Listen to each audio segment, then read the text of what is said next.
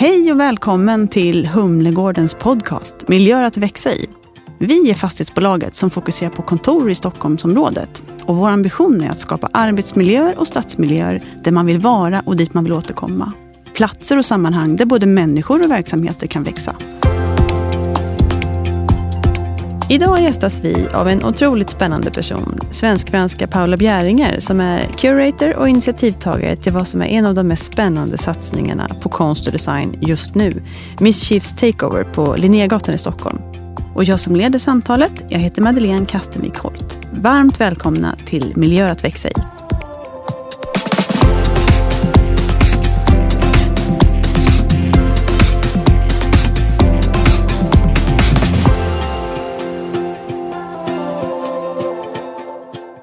Paula! Hej! Stort tack för att du ville komma hit idag. Jätteroligt att ha dig här. Tack för att jag blev inbjuden. Hur mår du idag? Mår du bra? Jättebra. Superspännande det här samtalet med dig. Ja, men eller hur? Jag vet att du jobbar med någonting som kallas collectible design. Ja. Ja, vad är det? Berätta om det och din bakgrund. Collectible design är relativt ungt. Man kan säga, om man ska sätta ett datum, att det föddes runt år 2000 Mm. Eh, som ett resultat av konstmarknaden eh, och konstindustrin. Mm. och spekulation inom då eh, eh, samlare och mässor och konsthallar hallar och hela liksom konst eh, kommersen Mm. eh, som helt plötsligt kom till ett max i form av priser som blev extremt höga för vissa typer av antikviteter Mm. det vill säga objekt. Eh, men som då inte är eh, contemporary utan mer moderna. Och helt plötsligt så gick spekulationen så högt upp eh, så att vissa mässor, vissa handlare bestämde sig för att slå ihop modern och contemporary i vissa typer av sammanhang. Det vill säga utställningar men också eh, försäljningsplattformar av eh, olika slag på olika eh, platser i världen. Och då blev det helt plötsligt en lucka för de här objekten som är mer nyproducerade att komma in inom då konstindustrin kan man säga. Just det, just det. Och du har ju en sån himla spännande bakgrund tycker jag. Du har studerat eh, genusvetenskap och journalistik och sociologi. Jobbat som Precis. journalist, men också drivit galleri, eller hur? Ja, jag kommer inte från en konstnärlig, så att säga, akademisk bakgrund, utan mer en em, analys, sociologi, att liksom titta på människor i flock och deras beteende, det går jag igång på. Och sen så jobbade jag som journalist eh, efter då hela min uppväxt i Paris. Så jag har ju aldrig gått i svensk skola eller levt i Sverige, utan jag flyttade till Paris när jag var två år. Eh, och, och mina föräldrar satte mig i fransk skola, så jag är ju fransk egentligen, kulturellt så att säga. Och sen så pluggade jag i London, sociologi och upptäckte något som heter genusforskning, gender studies. Och det tyckte jag var otroligt spännande som svensk tjej uppväxt i ett relativt macholand med en feministisk mamma som grundade Svea faktiskt i, i Paris. Och jag växte upp med alla dessa starka, eh, smarta feminister, så att säga. Och då gjorde jag en master på London School of Economics inom genusforskning och det ledde mig till ett specifikt möte med en fantastisk eh, förebild eller mentor som heter Mm. Nathalie Crasset som är en av de få internationellt kända eh, industriformgivare i världen. Det finns ytterst få kvinnor på den nivån. Och hon är fransk. Ehm, eh, och jag skrev en avhandling om på då London School of Economics om sex toys by women for women. Eh, 50 sidor, relativt tråkig analys. Eh, akademisk, väldigt akademisk, men som ledde mig till att vi skapade tillsammans ett objekt med Nathalie Crassé som heter Åttonde himlen som faktiskt finns att se på Linnégatan. Eh, som ju inte alls ser ut som någonting som kommer ut från porrindustrin eller allt man tänker på när man säger ordet sextoys. Utan det var mer en fortsättning på den här forskningen kring kommodifikationer eller hur man objektifierar vissa um, feministiska och um, akademiska uh, tankar helt enkelt. Så att uh, jag tjänade inga pengar på det där och det gjorde vi inte. Utan, men däremot så blev vi inbjudna i väldigt eh, intressanta sammanhang för att prata om hur form, design möter sociologi. Det vill säga, och det är ju det jag står för och tror på, att eh, formgivare och konstnärer är här för att förbättra våra liv konkret. De har en väldigt aktiv funktion i våra liv, i vårt samhälle. Och det är så jag alltid har sett på alla projekt jag har byggt upp och även då Mischief idag. Just det. Och det är ju det vi ska prata om framförallt idag. Ja. Hur uppkom Mischiefs? Det började när jag flyttade till Sverige för första gången med min man och barn för sex år sedan nu. Så det är första gången jag har levt så här länge i, i Sverige som vuxen dessutom. Och kom hit verkligen, fast jag ser typiskt svensk ut och pratar svenska så, så, så, känner jag mig ju inte svensk. Och hade så mycket att lära mig. Så jag tog en kurs på universitetet direkt. Eh, för att liksom förstå bättre eh, den nordiska sättet att leva på. Inte minst när jag eh, gick hem till de första eh, klienterna eftersom jag jobbade med collectible design och hade ett galleri i Paris inom och specialiserade inom då nutids collectible design och var lite förvånad att så många hem såg likadana ut. Samma lampa, samma bord, men gud, det är samma konstnär på väggen. Det är samma färger på gardinerna. Så det var lite sådär lynchkänsla lite överallt så. Eh, och då hade jag mest frågetecken efter frågetecken kring hur man lever här, hur man tänker här. Så jag gick tillbaka till min forskarhatt eh, och journalistik och eh, reste mycket runt i Sverige och försökte liksom förstå. Um, Mischief började där som eh, ett svar till en plattform jag inte hittade letade runt omkring mig i Stockholm.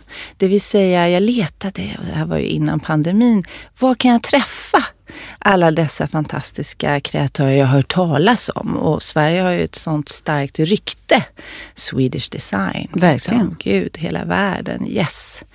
Men vad är de, tänkte jag. Min man jobbar med musik och det var lite samma sak där. Man vet att Sverige är så otroligt stark och har ett sånt stort rykte kring då, eh, produktion av musik. Men vad är de? Var mm. träffar man eh, de som gör musiken så att säga?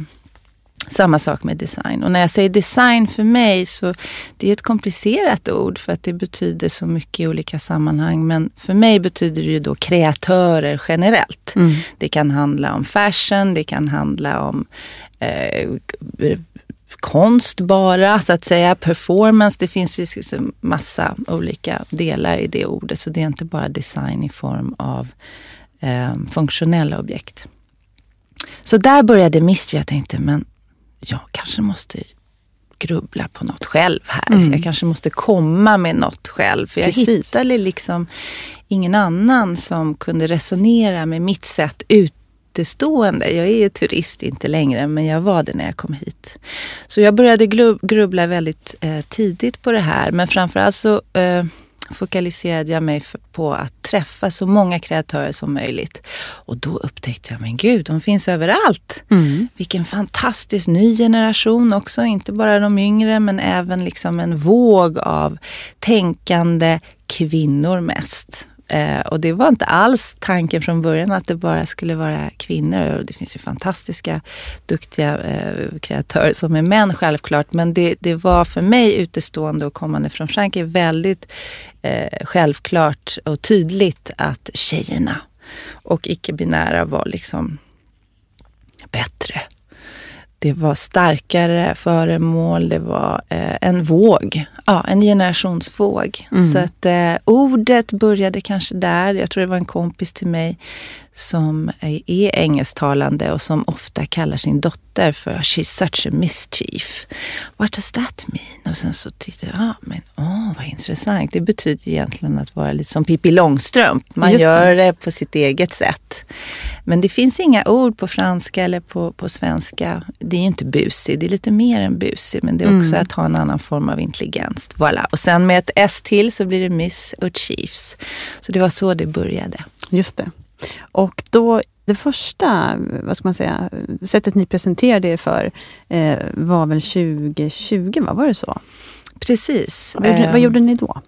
Idén var då innan pandemin att eh, jag producerade, skapade så att säga en kollektion av collectible design eftersom det inte finns något designgalleri i Stockholm som visar nutidsdesign.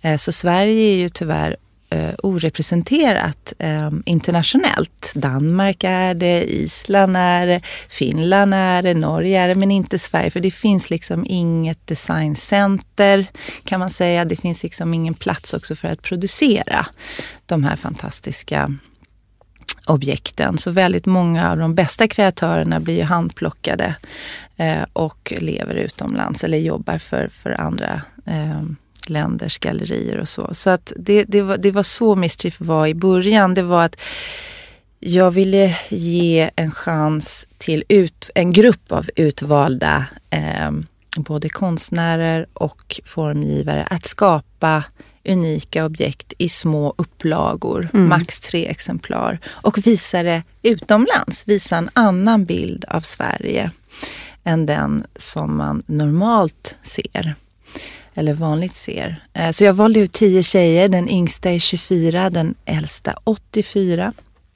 Från textil till eh, glaskonstnärer, performanceartister, videokonst.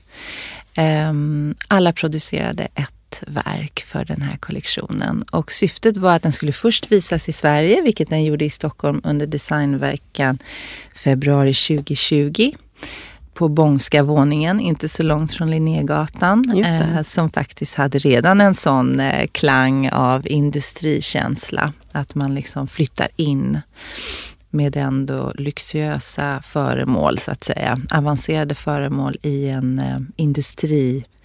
Eh, och det var en, en succé tror jag under tre veckor. Det kom tusentals besökare och blev väldigt bra press och spännande. Eh, tror jag väldigt mycket för att jag inte är från Stockholm och inte har jobbat här förut. Så jag har ju en annan stil också i hur jag producerar, tänker, kurerar kring de här relativt nya typ av konstverk som jag är collectible design. Många som, vad är det här? Men vad är det design? Är det konst? Etc. Och de frågorna har ju jag redan tacklats med i Paris eh, när jag startade mitt galleri inom det här redan eh, 2009. Eh, mm, just det. Eh, också en del av staden som man inte förväntade sig skulle, visa, skulle öppna ett galleri. Och då hade jag ju redan de här frågorna om men varför är det här och här kan man ju inte vara. Och sådär. Eh, så att ifrågasätta normer har ju alltid varit min grej. Eh, och sen så hände pandemin mm. i mars, april redan och det var då i Milano som det började, eller hur? Och där skulle vi ha kommit i april eh, i samband med då, eh, Milano Design Week. Just det, ni skulle ut på turné med den här utställningen så att säga. Precis, mm. så den var uttänkt som en nomadisk eh, resande eh, utställning. Och sen skulle vi ha åkt till Marseille där det var en, en konstbiennal till en fantastisk plats utanför Marseille. Och Paris och London var även med på kartan. Så det var ett års planerat eh, mm. turné med eh, samarbetare som Bolon till exempel, två fantastiska systrar med deras eh, företag som sponsrade då hela scenografin som ju behövde vara nomadisk eh, och förflyttande. Och sen även samarbete med lokala kuratorer, kvinnor, eh, konsthallar som, som gästade oss eh, mm, stort gratis. Projekt. Så det var ett väldigt stort projekt som, som är fortfarande eh, in the pipeline eftersom mm. vi kikar på Milano nu i april hoppas vi äntligen komma ja. ut i världen och, och visa Vi håller tummarna. Det. Tack.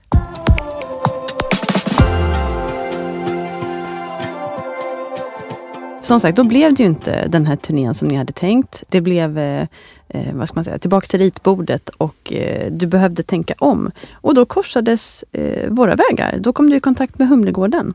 Ja. Vad hände, vad hände då? Du, berätta. Jag insåg väldigt snabbt att eh, vi inte skulle resa, så alla föremål stängdes in i en tråkig liten sån förvaringslokal som ju kostade varje månad och jag tänkte men det, det måste ut. De här objekten som vi har jobbat på, tjejerna, alla formgivare och konstnärerna har jobbat så länge på eh, måste visas även om det är i Stockholm. Mm. Eh, så jag skrev ut en SOS-e-mail, väldigt ärlig, som berättar hela storyn eh, om Misstyp, de här föremålen, vad som har hänt. Eh, och att jag har en väldigt liten budget för att kunna hyra eller låna en lokal, en bit garage, vad som helst. Eh, så jag satt i en vecka tror jag och verkligen tänkte för fullt alla jag känner här i Stockholm. Och det var ju inte så många för jag hade ju bott här väldigt eh, liten tid. Och sen så var det en kompis till mig som eh, tipsade och sa, men du vet du ska inte glömma fastighetsbolag. Vi har gjort några grejer, berätta om något annat. Ja, med, ja. Och, eh, och så tänkte jag, men jag visste ja. Och jag har liksom tänkt på det här med tomma lokaler eh, länge, även i London och i Paris. För det, det är ju inte bara pandemin som gör att det är tomma lokaler, utan det, har, det finns tomma lokaler överallt i världen hela tiden. Och ofta har jag liksom tänkt på det. Men skulle man inte kunna hitta på något? Så jag, det, liksom, det var rätt stund att um, reach out till olika som jag har tänkt på i innerstan, även i Paris innan, när det kommer till hur konst, kultur kan visas på ett annat sätt. Just det. Redan i Paris så var det ju i ett gammalt garage eh, som jag förvandlade och sen så var det en annan plats som jag förvandlade som var oväntat. Så jag har liksom haft det här i tankarna. Det har varit din grej liksom, ja. att göra den typen av och då gick jag igenom faktiskt rent ärligt på internet, profilerade kan man säga, alla fastighetsbolag eh, som har fastigheter i eh, Stockholms innerstad och i Stockholm generellt. Och Humlegården kändes, det var en gut feeling eftersom jag inte hade jobbat med er eller jobbat med något svenskt fastighetsbolag. Kändes bäst för det här. Eh, det var en magkänsla jag tittade på olika eh, folk som jobbar eh, hos er och, eh, och sen gick in klart och såg vem som gjorde vad. Och valde Katarina Signeus. Just det. Eh, som blev min kontakt så att säga. Som jobbar med eh, uthyrning hos oss. Exakt. Aha, precis. Så jag skickade till henne och fick ett svar. Eh, och där måste jag ju säga att allt det här började med Katarina på grund av hennes och min känsla för varann mm. i att eh, eh, hon litade på mig och jag litade på henne. För vi kände inte varann. Eller hennes företag, ert företag, eh, mitt. Så att det var liksom en väldigt speciell stund. Och det finns ju få stunder som är så i livet i en karriär. Ehm, jag pratade tidigare om mitt möte med hon som blev min mentor, Mattali. Det, det finns vissa mö möten och jag tror att mitt möte med Humlegården genom Katarina eh, känns faktiskt väldigt positivt eftersom det har gett så många ringar på vattnet. Mm. Så jag kom. Hon sa, men kom och kika på något, det kanske är intressant. Så jag kom till Linnégatan 4, denna fantastiska adress. Och då var det fortfarande, eh, eller tvätteriet höll på att flytta ut. Så man hörde inte så bra, det var maskiner överallt, väldigt stort och liksom industriellt. Jag förstod ingenting. Och vi gick längst bort till lokalen. Och med eh, Katarinas liksom öppenhet eh, som jag tror speglar mycket Humlegårdens fastigheters eh, eh, våga, om man säger det på svenska. Att mm. man är liksom öppen för nytänkande och eh, banbrytande visioner. Det var verkligen den känslan som jag nu idag kan bekräfta i andra samtal jag har haft med, med alla som jobbar på Humlegården. Att hon var väldigt sådär, skulle du kunna tänka dig en liten hörna här? Och jag blev ju helt paff liksom. För att jag hade ju fått flera trådar med olika möjligheter. Kanske med, du vet, en arkitektkompis som hade en bit garage där. Eller en lokal längst upp i där och sådär. Men det här var ju en helt annan level.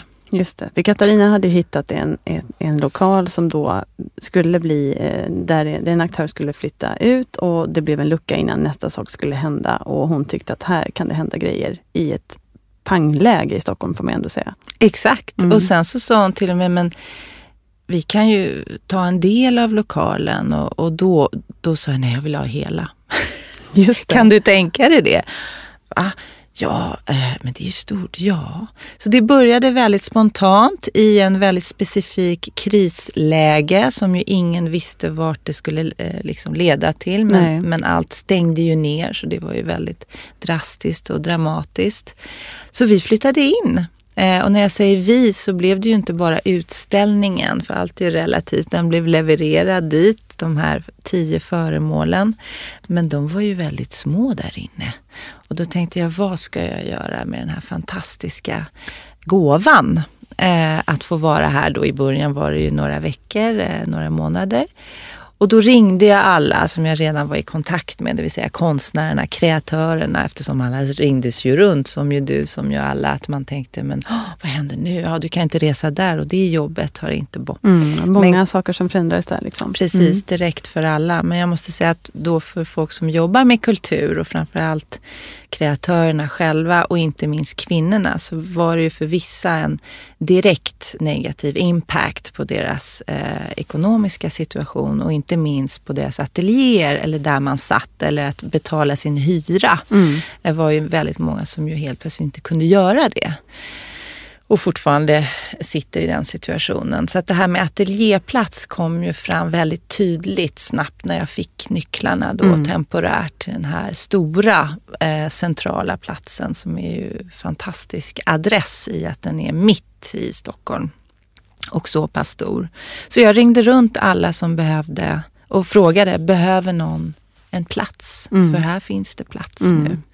Och eh, till slut blev det åtta tjejer Um, Elisabeth Olsson var en av dem uh, som flyttade in och hade en temporär fotostudio. Välkänd fotograf, välkänd ja, fotograf precis. precis. Som ju hade förlorat sin studio på grund av pandemin.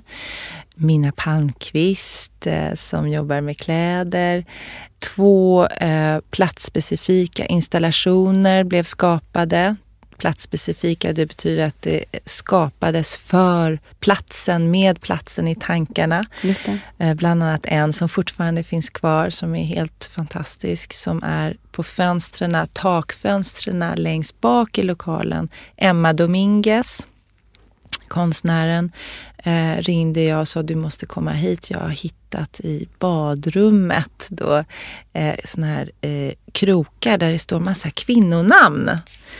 Jaha, som kom dit och, och, vi började återigen forska. Så där kommer min journalistik och sociologibakgrund i. Och då tvätteriet, som ju var Stockholms största tvätteri över 20 år tror jag. Eh, det var ju över tio kvinnor som jobbade där, väldigt hårt jobb. Eh, och inte var då från Sverige. Så där fanns det en story. Och jag hittade då konstnären som sen eh, hittade tjejerna, kvinnorna, som eh, hade flyttat utanför Stockholm i ett annat tvätteri en annan lokal och berättade den här storyn. Hon fotograferade dem. Deras ansikten är nu då eh, på de här fantastiska fönstren, detaljer på deras händer och när solen kommer in så kommer deras ansikten upp återigen i den här platsen som var ju kvinnopräglad från början.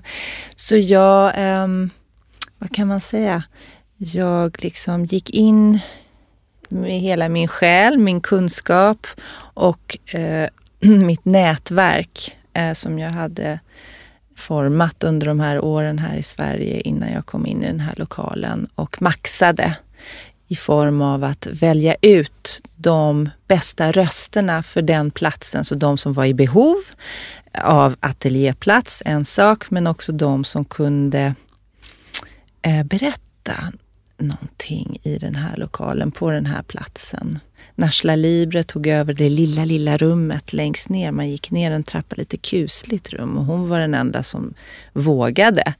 Och eh, jag visste att hon skulle liksom ta över, take over. Och det är därför Mischief blev takeover. För att alla dessa tjejer och vi har ju då tagit över platsen i form av konst, design, um, upplevelser, mm. kulturella mm. upplevelser kan man säga. Och vi från Humlegårdens håll tyckte att det var så otroligt spännande just det här att, att, att um, skapa en plats för ateljéer. För det är ju, det är ju liksom ett arbete som eh, man inte ser annars. Det är väldigt sällan gemene man kommer i kontakt med konstnärerna eller kan se konstnärerna jobba. För det var ju det som var så himla häftigt med Mischiefs Takeover också, att det var öppet för allmänheten. Eller det är öppet för allmänheten.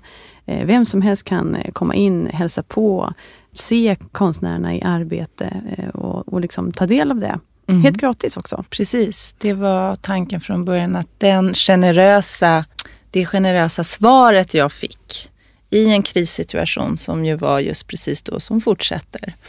För vi får ju inte glömma här att kreatörer och återigen inte minst kvinnor sitter ju i en väldigt svår plats när det kommer till att hitta ateljéplatser, betala sin hyra varje månad. Även i Sverige där konstnärer har eh, mycket stöd om man jämför med andra platser. Men det är fortfarande prekärt. Det är fortfarande väldigt många inom kulturen som då är de som gör kulturen, som jobbar gratis och har fortfarande ingenstans att vara för att jobba. Och det är väldigt ensamt. Mm. Och Stockholms innerstad har ju blivit helt galet dyrt. Eh, så att det har ju gjort att innerstan, när man kommer utifrån, det är ju samma sak i andra städer, men det finns liksom andra initiativ än statliga initiativ eh, i andra städer eh, jag har bott i och varit i som gör att det finns mycket mer eh, diversity i liksom kärnan av staden. Och det var det jag saknade när jag flyttade till Stockholm. Så här fanns det en lucka, en möjlighet med den här fantastiska lokalen att skapa ett riktigt sammanhang där publiken i innerstan, eftersom det ligger precis vid Stureplan, det vill säga city, det. det. är Östermalm men det är närmare city egentligen, där eh, turister och det var ju ändå många turister i början där innan det blev lockdown. Och sen så blev ju Sverige också en väldigt attraktiv plats eh, på grund av att vi har mindre restriktioner också. Eh, så det har ju hela tiden varit öppet, vilket är ju helt Mm. Otroligt. Mm, och mina verkligen. kompisar i Frankrike eller Italien säger What? Was it open for a whole year during the lockdown? Yes. Så att um, Ja, det här mötet har ju gjort att det, det har varit över mellan oss, mellan er och mig, har ju gjort att över 50 kvinnokonstnärer har visats och haft ateljéplatser, över, jag tror det är över 15 ateljéplatser totalt med då vissa platser som har börjat, eller vissa tjejer som har börjat att vara där och sen lämnat, kommit tillbaka, nya etc. Eh, över 17 performance eh, acts. Mm. Otroligt. Eh, allting säljs direkt till publiken. Jag tar ingen kommission, så det är inte ett galleri. Eh, så det här är också en ny modell mm. vi tillsammans för att eh, sälja konst, visa konst. Vad är det egentligen? Vad innebär det idag? Och där har du helt rätt i att mötet mellan publiken och konstnärerna, kreatörerna är central i den här upplevelsen som vi har skapat tillsammans. Och vi har ju varit och hälsat på Eh, i, eh, på Mischiefs och pratat lite med några av de konstnärer som är verksamma där. Jag tänker vi ska lyssna lite på det. Ja. Jag heter Minna Palmqvist och jag är konstnär och modeskapare i ett jag har kommit fram till att jag är konstnär med modevärlden som någon slags verktygslåda. Och jag undrar förstås vad eh, Mischiefs har betytt för dig, för du har ju varit eh, med från början. Ja, jag har varit med sedan augusti i fjol. Ja. Och det är nästan omöjligt att sammanfatta vad det har betytt. Det har ja, men att få verka på en adress som i min vildaste fantasi aldrig hade kunnat tänka att jag skulle befinna mig på. Eh, med då chansen att möta människor som är nyfikna på konst och design. Få visa hur man jobbar, att inte ständigt bara gömma sig och plötsligt visa att nu är det klart. För för mig ligger så mycket i processen. Eh, och att det är ganska ensamt och lite läskigt att sitta och jobba på saker för sig själv. För då blir prestationsångesten mycket större när det ska släppas. Mm. Jag tyckte det var så skönt att hela tiden pysa ut och visa vad jag jobbade på. Och kunna prata med andra. Och eh, sen också den att få sitta här med andra kvinnliga och icke-binära konstnärer eh, från helt olika fält. Men där vi delar så otroligt mycket i, i liksom tankar och vad vi tampas med och värderingar och så otroligt intressanta samtal och så energi som mm. det har gett arbetet. Gemenskap. Liksom. Ja, gemenskap, mm. verkligen. Jag heter Hanna Stansvik och jag är konstnär, målare framför allt. Vad skulle du säga att Mischiefs har betytt för dig då som konstnär? Otroligt mycket. Bara att ha kollegor och ha alltså den här de här fantastiska konstnärerna som jag har fått möta här. Kunna byta erfarenheter och bolla idéer och synligheten som platsen innebär och som både liksom platsen i stan och platsen att Mischiefs har blivit så, så stort, en sån succé får man väl kalla det.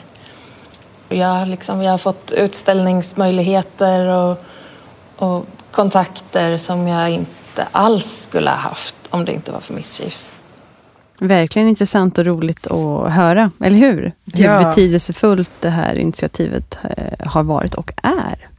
Eh, vad, vad, tänker du när du hör det här?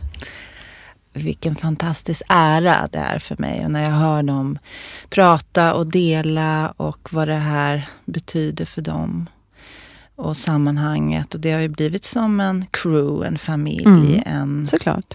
känsla. Och för mig som är bakom kulisserna, för det är otroligt mycket jobb i att också kurera, välja, organisera, att skapa det här sammanhanget mellan dem. För de kommer ju från väldigt olika eh, konstformer eh, och också inte inte kanske träffas normalt. Och åter tillbaka till när jag flyttade till Stockholm. Att vad, träff, vad hänger de här fantastiska mm. kreatörerna? Frågetecken. Ja, nu hänger de på Linnégatan. Mm. Och det blir jag väldigt rörd även när jag hör det här. Men framförallt nummer ett är jag deras fan. Eh, och lär mig otroligt mycket. Så att jag är så tacksam. Vad händer på Mischiefs eh, just nu då och framåt? Nu är det en eh, fantastisk soloshow för sen i januari så har vi eh, byggt om lite, eller eh, inte byggt men vi har ändrat på typografin eh, i den här fantastiska lokalen som ju möjliggör att den kan förändras eh, hela tiden. Just det. det är det mitt syfte är, att det aldrig riktigt ska vara samma plats eftersom det är gjort och tänkt för kreatörerna samt publiken i det mötet. Så det är, väldigt, det är inte bara ateljéer, man hade bara ploppat in flera konstnärer. Här får ni jobba. Eller det är inte ett galleri, det är inte ett showroom. Det är lite av allting samtidigt. Och hur, ska, hur ska det se ut? Så det är ju, jag testar ju saker hela tiden mm. för att lära mig. Mm, det är alltid och, någonting och, nytt när man ja, tittar förbi. Mm. Så nu är det Hedvig Bergman som går på Fine Art Master på Konstfack otroligt duktig tjej som sökte upp mig faktiskt Eh, för flera månader sedan. Så vi har jobbat eh, mot den här utställningen som ju ändå är inte helt enkelt för en kvinnokonstnär eller en konstnär, bortsett från eh, kvinna eller man. Men att ta upp ett rum som ändå är 300 kvadrat, det vill säga det stora rummet man ser från gatan som är ju så fantastiskt. Man ser rakt ner igenom de här fönstren. Alla noterar och går in eftersom dörrarna är öppna och det är gratis till alla. Och, men det är inte så enkelt. Och där är ju min roll då, vad är det jag ger de här konstnärerna och i det samtalet om de är väldigt kända, stora, etablerade eller som Hedvig fortfarande i skolan. Mm. Och i januari kommer den sista soloshowen i det här eh, organisationen så att säga av lokalen då med en soloshow i Stora rummet. Alexander Karpilovski kommer ha en månads vistelse i lokalen och sen kommer hela lokalen ändras. Just det, mycket spännande att se fram emot. Och vi passade faktiskt på att prata lite med Hedvig när vi var och hälsade på. Så vi ska lyssna lite och höra henne berätta lite om, om utställningen och eh, hur hon ser på Miss Chiefs.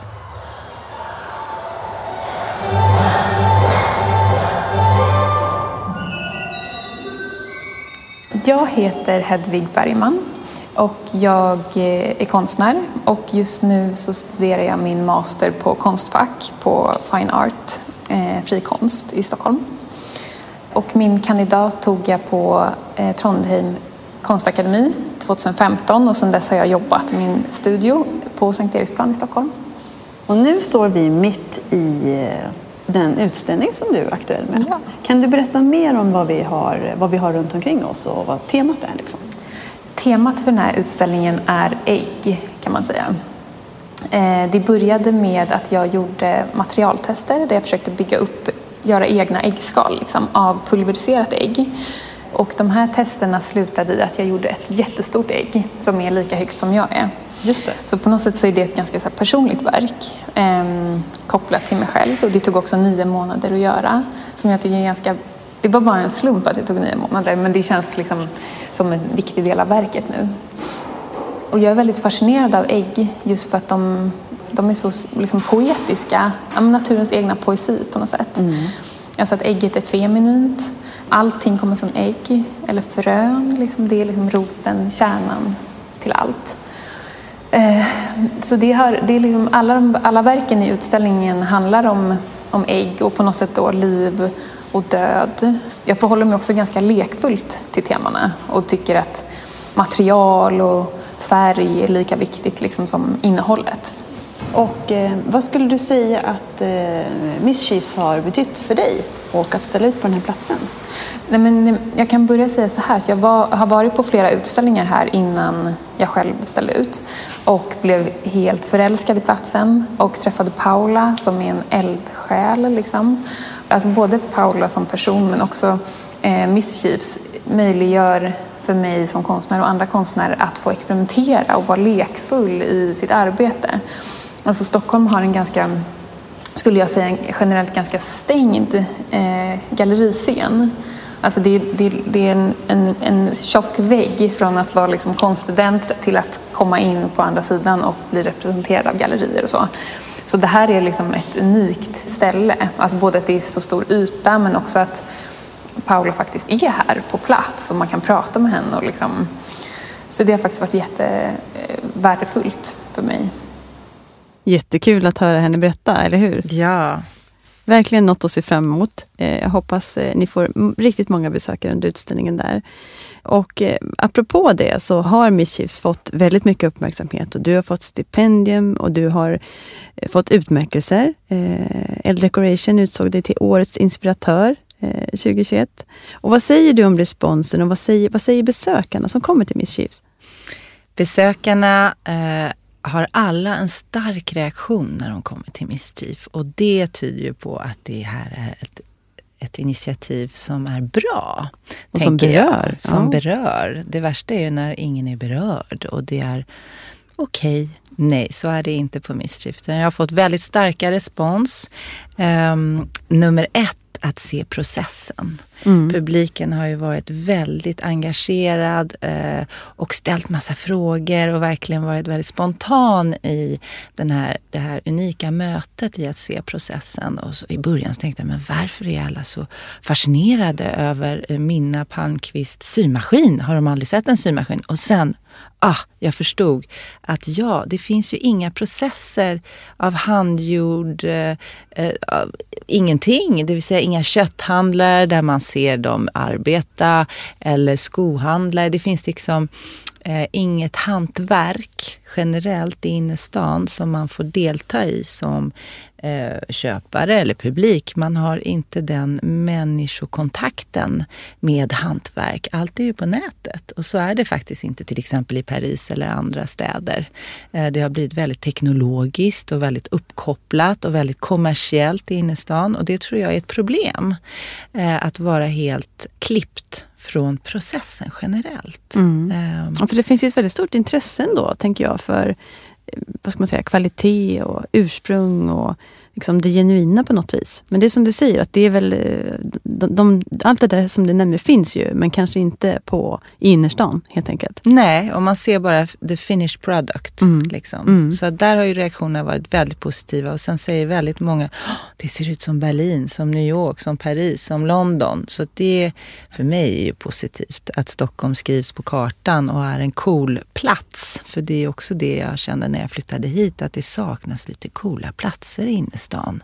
Där man känner sig eh, i Stockholm. Någonting som verkligen eh, är unikt för Stockholm. Mm. Och det är ju Mystik på Linnégatan. Precis. Ja. Jätteroligt att höra. Och Paula, nu har det blivit dags för oss att runda av och jag tycker att alla som har lyssnat på det här samtalet, de ska leta upp eh, Miss Chiefs på Instagram eh, och jag tycker man ska ta sig till Linnégatan 4 och hälsa på i ateljéerna, eh, prata med dig, prata med konstnärerna och ta del av utställningarna som finns där. Eller hur? På momangen liksom. Ja, ja, kom, prata med oss, träffa oss, se fantastisk konst och performance. Det händer alltid någonting. Det händer alltid någonting, ja. Helt sant. Tack snälla för ett jätteinspirerande samtal. Tack själv. Ja, visst är det här ett spännande initiativ. Vi på Humlegården är mycket glada över Miss Chiefs gästspel och jag hoppas att det här samarbetet kan inspirera andra också att samverka kring de här frågorna. För staden och vi människor behöver konst och kultur i våra liv. Stort tack till dig som har lyssnat. Vi hörs!